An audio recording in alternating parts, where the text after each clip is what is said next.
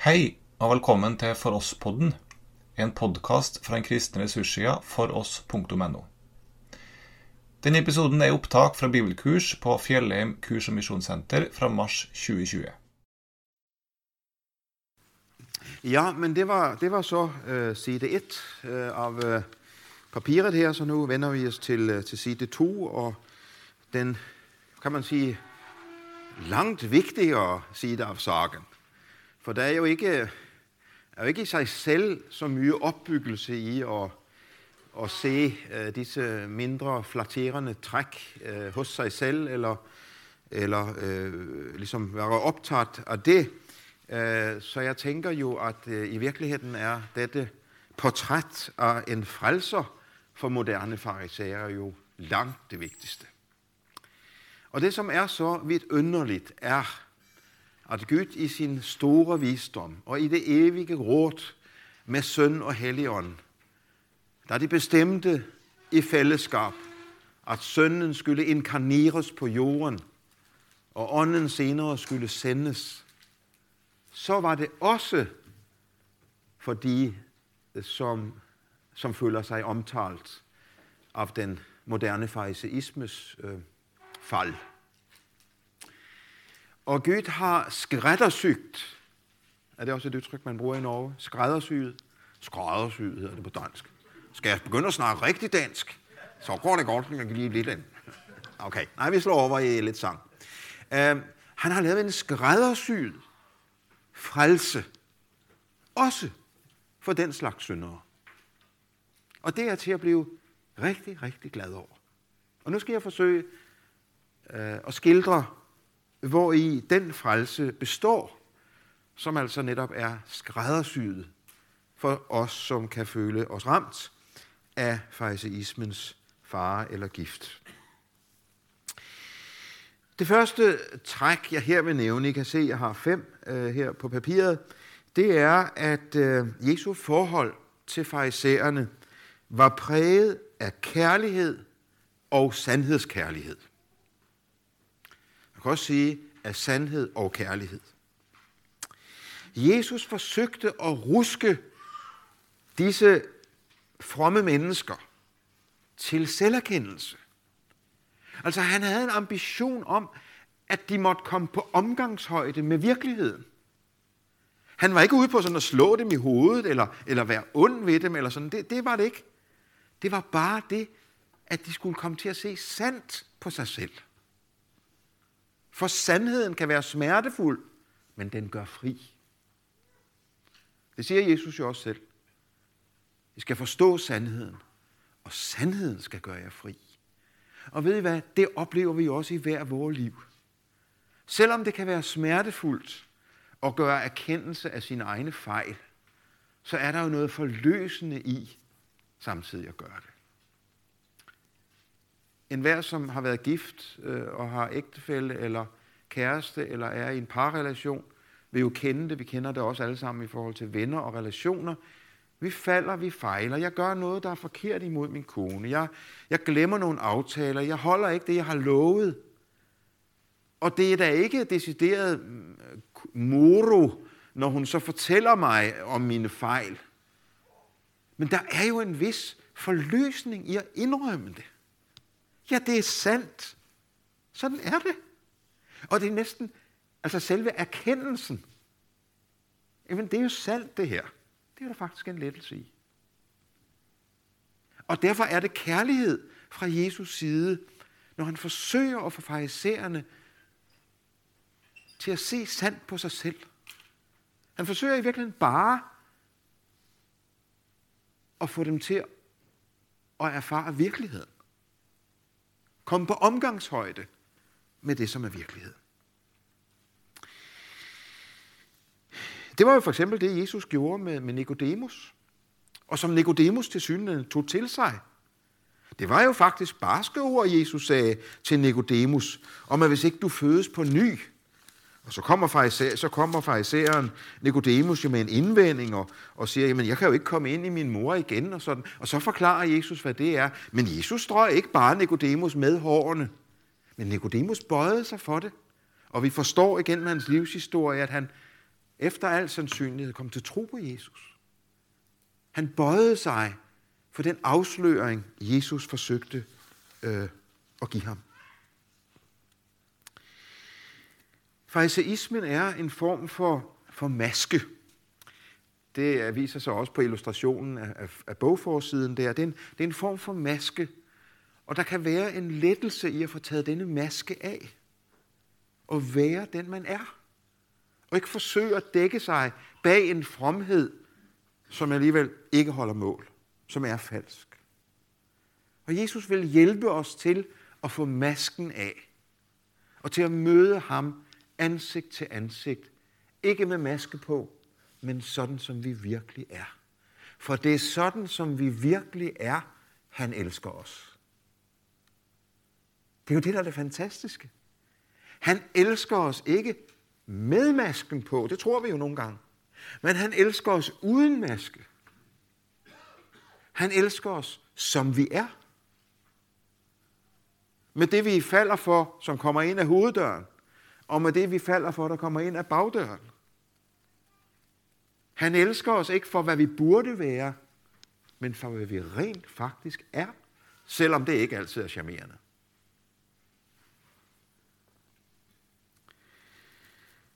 Og Gud har altså skræddersyet en frelse, og en frelser. Ikke bare for de grove syndere, men også for de fromme. Så også nu, i dag, ja, i dette øjeblik, der møder han os med det evangelium. Med kærlighed og med sandhedskærlighed. Han vil gøre vores fariseisme til et problem for os. Ikke for i sig selv at påføre os problemer, men fordi han også ønsker for os, at vi må se sandt på os selv. Og nu tænker jeg, at der kan være vældig forskel på, hvor, hvor relevant vi føler det her. Jeg, det tror jeg, der er forskel på. Det er nok ikke alle heller af os her, der føler det her lige relevant, eller føler, føler sig lige meget omtalt. Men hvis nogen af jer sidder her, og også gennem disse her få ord, øh, føler jeg omtalt med, med den karakteristik, som vi forsøgte at lave i første lektion, så er det altså netop til jer, så er det netop til mig, at Gud nu fortæller, at der er lavet en frelse, som passer som hånd i handske. Det er også udtryk, der er kendt i Norge, ikke? Hånd i handske for os.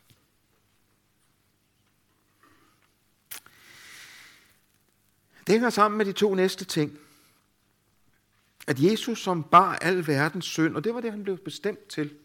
Det var det faderen og ånden og sønnen i det evige råd fra før verdens begyndelse bestemte. Og det var det, Jesus også vidste, da han kom til jord, at det var det, han skulle. Han skulle, og vi er i fastetiden nu, han skulle gå til Jerusalem. Og der har det helt fra evigheden af været bestemt, at han skulle bære alle verdens synder. Det råd var for længst truffet. Og Jesus var tro imod den beslutning, som den treenige Gud havde truffet. Og selvom du og jeg ikke tænker på det, så tænkte han både på de grove syndere og de fromme syndere, da han gik til Jerusalem. Der tænkte han både på de prostituerede og fortollerne og synderne og disciplene, og så alle de fromme. Han havde dem alle sammen med. Og da faderen i evighed og ånden og sønnen var i dette råd, vil du virkelig bære, vil du, kære søn, bære al verdens synd? Ja, svarer han, det vil jeg, fader. Vil du også bære de, de fromme synder for dem øh, i, i Norsk Luthers Mission sammen og Læstadianerne og Luthers Mission og alle de andre steder? Vil du også tage, ja, det vil jeg. Hele grejen. Så det var det, han bar. Nogle gange får vi det med Jesu frelse og Jesu forsoning til at blive sådan lidt, lidt upersonligt. Det er, sådan lidt, det er jo rigtigt, og, men det, det, det er ligesom det er sådan, det er lidt generelt, lidt abstrakt. Men det var en stor lettelse også, og det er en stor lettelse for mig, at det var også mine bekymringer, min foragt for andre mennesker, min selvgodhed og alle de der utiltalende ting, dem havde han med op på korset. Og dem sonede han. Han slettede dem ud. Og da han gik ud af graven, så lå de inde i graven. Der ligger alle slags synder. De grove og de fromme. Dem efterlod han inde i graven, som er tom for Jesus, men fyldt af vores synder. Halleluja. Så når vi møder det her, og det gør vi jo igen og igen, det er jo ikke sådan en gang for alle, så har vi klaret det her forhold. Når vi møder det her igen og igen, så er det det her ord, vi har brug for at møde igen og igen. At det var også det, han bar. Selvom jeg ikke altid ser det, så så han det. Selvom jeg ikke altid føler et behov for Øh, og beder om tilgivelse for nogle af de her ting, så gør jeg. Så ved han godt, at jeg har det behov. Og han gør det der bedst for mig, ikke det jeg synes, han skal gøre. Han gør det der bedst for mig. Og det var at zone. Også alt det. Så det kommer ikke mellem mig og Gud. Det gør det ikke. Det kommer ikke mellem mig og Gud. Selv de dage, hvor jeg erfarer det i mit liv, er det ikke mellem mig og Gud. Det er vasket bort for det at være et kristent menneske og leve i troens tillid hos Jesus, det er at leve i et brusebad. Et vidunderligt billede, synes jeg, på nåden. Vi står i et brusebad dagen lang. Vi mærker det ikke, og det er jo også godt det samme, vi har tørt tøj på, men altså åndeligt set i et brusebad, hvor ting renses bort, så snart det er gjort. Så længe vi er i relation til Jesus. Vi tænker nogle gange om nåden, at det er sådan en balje vand, man står oppe i her. Så kommer man til at begå nogle synder. Huk, så ryger vi lige ud af baljen. Men så beder man om forladelse, og så kommer man ind i baljen igen, og så er det godt. Men så kommer man desværre til at synde igen, og så er det ud af baljen. Og så er det meget vigtigt, at man ikke dør, når man er lige herude. For så er man jo uden for baljen, så man må endelig huske, og så... Nej. Sådan er det jo ikke. Vi står i nådens brusebad. For de grove synder, og for de fromme synder. Og så længe vi er i troens relation til Jesus, eller vi kan også sige, at det lever i vores dåbs nåde, så renses tingene bort. Kontinuerligt. Og man bliver så dejligt fri. Fri, fordi han har sonet for det hele. Og som ikke det var nok, ja, så er der også det tredje forhold – som jo gælder også for så meget andet. Ikke nok med, at Jesus tager bort det, som skiller os fra Gud, men han giver jo også os sit eget syndfri liv. Og her skal vi så sige, sit eget farisærfri liv. For var der noget, Jesus ikke var, så var det farisær. Og det var jo også derfor, der blev det clash mellem Jesus og fariseren. for han havde ingen fariser i sig. Han var fuldstændig ufarisæisk. Han var ikke afhængig af andres anerkendelse og skulderklap. Hvordan skulle han ellers være gået til Golgata? Han foragtede ikke andre mennesker. Han tog sig jo af de mest usle. Selv farisæerne brugte han mange timer med. Han var fri for den falske fromhed. Han var, han var ikke afhængig af, at, at andre øh, sådan sørgede for at, at, at, at give ham anerkendelse og, og skulderklap. Han var sandt åndelig. Ikke falsk åndelig. Det var han i sig selv, men det var han også for os. Så ikke nok med, at han har taget bort det forkerte. Han giver også i vort sted Gud et farisærfrit liv og siger, det gælder for Carsten Hjort Petersen 07 03 55 24 63, det er mit personnummer. Og for hver af jer, værsgo, dette liv er dit. Nej, det kan du da ikke. Jo, det er det. Det er dit. Jamen, skal jeg ikke præstere en vis kristendom? Nej, glem det. Ikke over for Gud. Hans sande åndelighed går i stedet for min falske åndelighed. Og jeg er ikke bare løftet op på nulpunktet. Jeg er løftet op i hellighedens kategori, fordi Jesus er, som han er. Og Gud har skræddersyet en frelse for mig. Det betyder for det fjerde, at evangeliet stanser mit pukleri. Siger det jeg noget på norsk? Pukleri, arbejde, slitsom arbejde. Det, det stanser mit slitsomme arbejde med at give Gud en blankpoleret kristendom. Det kan jeg godt stræbe med stadigvæk. Det stræbte jeg nok endnu mere med som ung. Og give Gud denne blankpolerede kristendom, som jeg tænkte, han har det fortjent, eller jeg gerne ville give ham. Men nu får jeg lov at stoppe det slitsomme arbejde. Fordi der er jo en anden, som har, har gjort det. Det siger vældig mye om, om vores situation over for Gud. At vi altså ikke bare har brug for, for hjælp imod grove synder, men også mod vores medfødte religiøsitet. Men nu er jeg fri, og det, vi kan sige det med andre lidt mere klassiske ord. Nu er jeg fri fra lovens vej til Gud. Og nu får jeg lov at vandre livet langt på evangeliets vej til Gud. Og det er en langt, langt mere fri vej. Det stanser midt slitsomme arbejde med at give Gud en perfekt kristendom. Evangeliet om Jesus Kristus er den store lettelse, den store befrielse, som stanser alt mit strævsomme arbejde. For det, som var umuligt for loven, det gjorde Gud, da han sendte sin søn. Romerbrevet kapitel 8.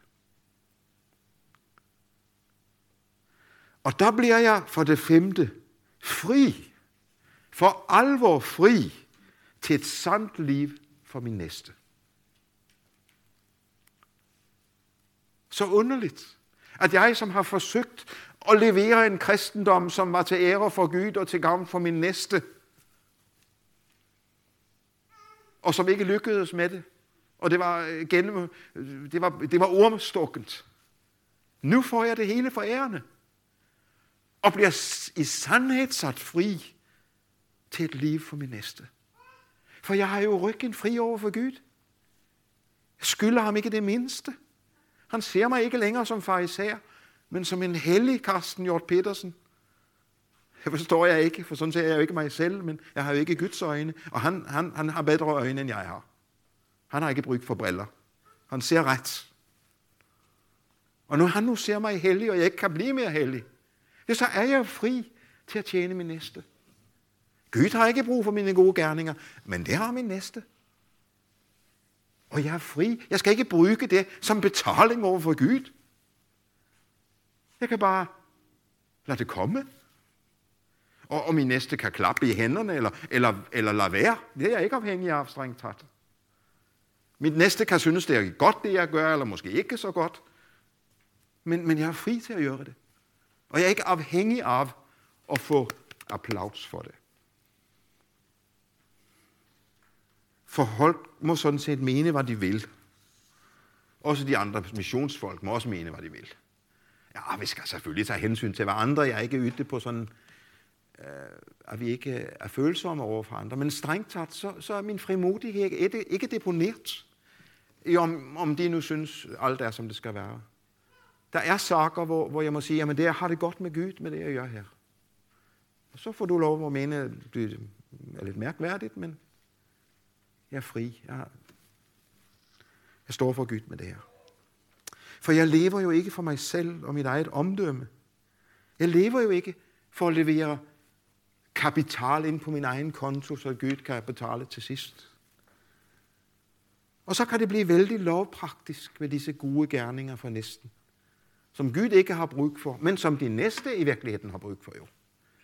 Og det er vældig praktisk. Det er en pose boller til den enlige mor i nabohuset. Det er måske en hjælp som hånd til en, som trænger til lidt rengøring. Det er en e-mail. Det er et besøg. Det er en forbøn. Det er en sms. Tekstmelding hedder det på norsk. Det er at se næsten og næstens behov. Og ikke tro, at jeg er Gud, for jeg, jeg kan jo ikke frelse verden. Jeg kan ikke gøre alt for andre mennesker. Men jeg kan gøre det lidt, jeg kan. Og det er det, Gud kalder mig til. Han har fundet en anden til at verdens frelser, så det behøver du slet ikke at tænke på, hvor du skal være. Du kan bare nøjes med at være dig i de opgaver, som Gud altid lægger for vores fod. Jeg har ganske vist bare levet i 65 år, men disse år har lært mig, der kommer altid en næste på vores vej, som vi kan være der for. Det sørger Gud for. Og vi kan bare åbne øjnene. Så vil der altid være en næste, som vi kan øh, være der for. I kortere tid, i længere tid, med små ting, med store ting. Men der vil altid være en næste. Og sand kristen fromhed er ikke sådan en poleret kristendom. Fromhed viser sig i at være til gavn for næsten. Og det kan man være på mange, mange måder. De ti bydende sigter også på det, at være til gavn for næsten. Formaningerne i Nytestamentet peger også på det. Hvordan vi konkret med gæstfrihed og hvad ved jeg, kan være til gavn for vores næste. Men det er vi fri til. Og det er så vidt underligt, at i, det, i denne forståelse, så glædes Gud, Gud vældig mye mere over mennesker, som ikke tror på deres egen kristendom, men på Kristus. Så vi glæder Gud ved det. Han er langt mere glad for folk, der tror på Kristus, end folk, som tror på deres egen kristendom. Og for det andre, så har andre mennesker mye mere glæde af os. For vi gør langt, flere, langt mere gavn som frigjorte mennesker, end som lovbundne mennesker. Vi gør langt mere gavn som frigjorte kristne, end som farisæere. Og for det tredje, så er det også en stor lettelse for os selv, at være i dette univers, i stedet for i hamsterhjulet. Kender I et hamsterhjul? Denne lille øh, fætter øh, mus, som knokler afsted i dette hamsterhjul, og kommer ingen vegne. Det er en fejser. Gud tager mig i halen og løfter mig ud. Åh, oh, for en lettelse. Jeg skal ikke knokle rundt der. For Jesus har jo klart det. Så nu kan jeg leve frit med det liv, Gud giver mig, og de opgaver, han giver. Det er evangeliet om farisæers frelser.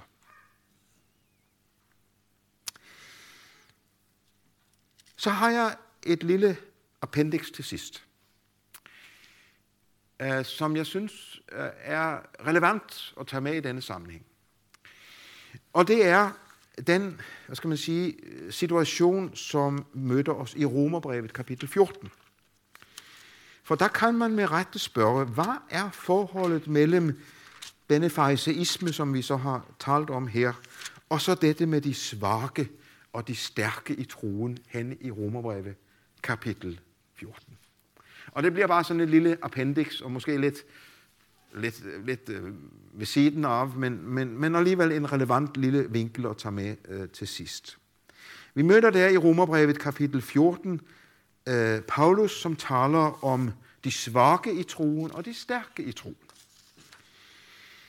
Og det handler ikke om, hvorvidt man var fysisk eller psykisk stærk eller svag.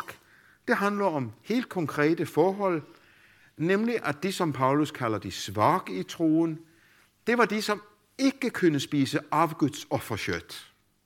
Det var nemlig sådan med langt de fleste slagtere på den antikke tid, det var samtidig afguds kød. Det var kjøtt som var offret til afguderne, som så solgtes i slagterbutikken bagefter.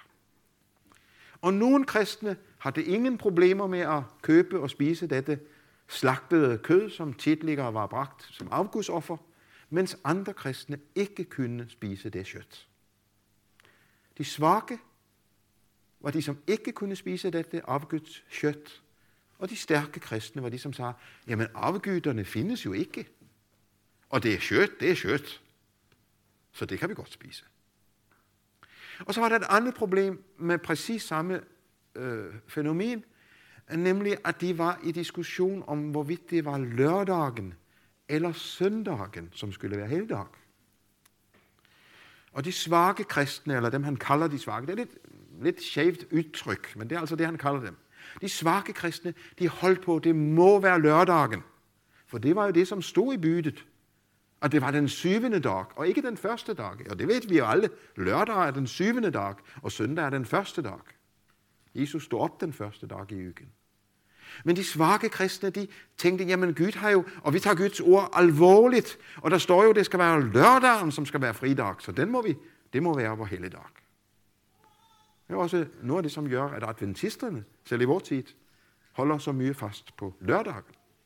Og så var det de stærke kristne, som altså Paulus kalder de stærke, det var dem, som tænkte, ja, alle dage er like. Om vi holder øh, helligdag på lørdagen, eller på søndagen, som er Jesu opstandelsesdag, øh, det kan være det samme. Og der kan I jo godt se, fordi vi kender jo også i vores egne åndelige sammenhænge, ting, hvor folk føler sig bundet af traditioner, eller øh, folks øh, uudtalte love, love eller øh, regler og den slags ting. Jeg kan godt sætte mig ind i, at det har ikke været så enkelt for denne romermenighed. Men nogen, som synes, de kunne sagtens spise afguds offerkød, de kunne sagtens fejre helligdag på søndagen, og så nogle andre, som ikke kunne spise det kjøtt, og som måtte holde helligdag på lørdag. Hvad siger Paulus til det? Han siger for det første ikke, at de svage kristne er farisæere. For det kunne man jo godt vente, han sagde. Og de måtte være farisæere, siden de havde så, gik så vældig mye op i det der afgudsofferkød, og det der med, at det skulle være lørdag og ikke søndag.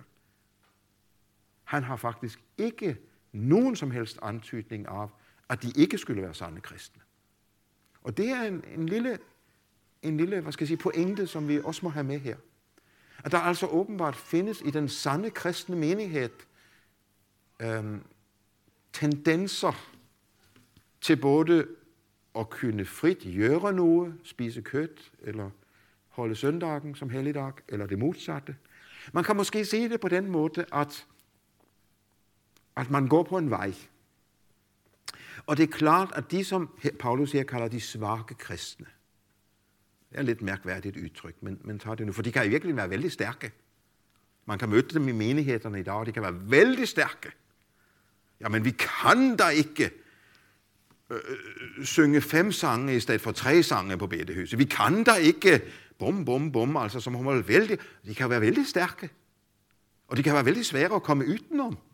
Og de kan være vældig styrende, disse svage. Fordi de vil bestemme så mye ud fra deres sorte samvittighed. Så det er lidt mærkeligt, at de kaldes svage, men, men, men I forstår. Men, men man kan vel sige det på den måde, de går lidt på den ene side af vejen. Og det er klart, den svage kristnes største fare, det er at dumpe ned i farisaismens grøft.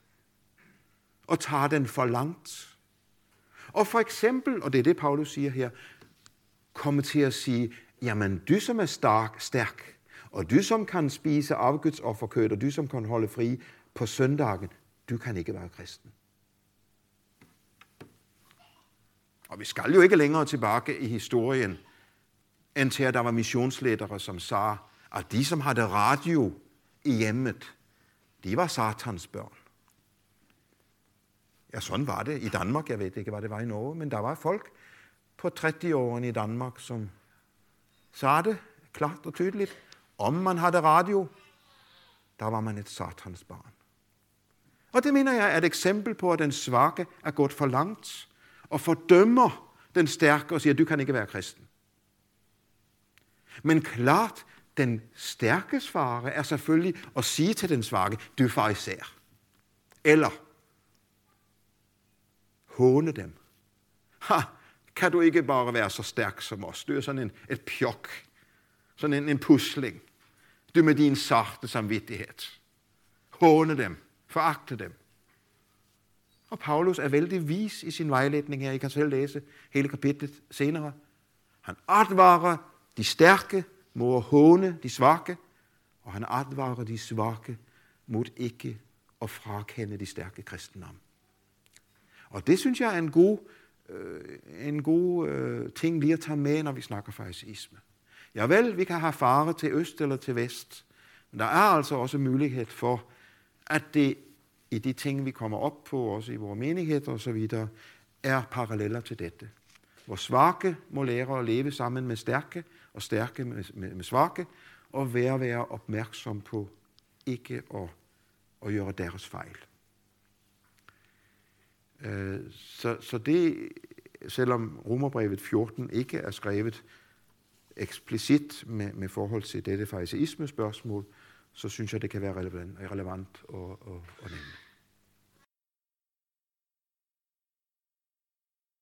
Du har nu hørt optag fra bibelkurs fra Fjellheim kurs- og misjonssenter. Du finner mange andre opptak med undervisning på foross.no.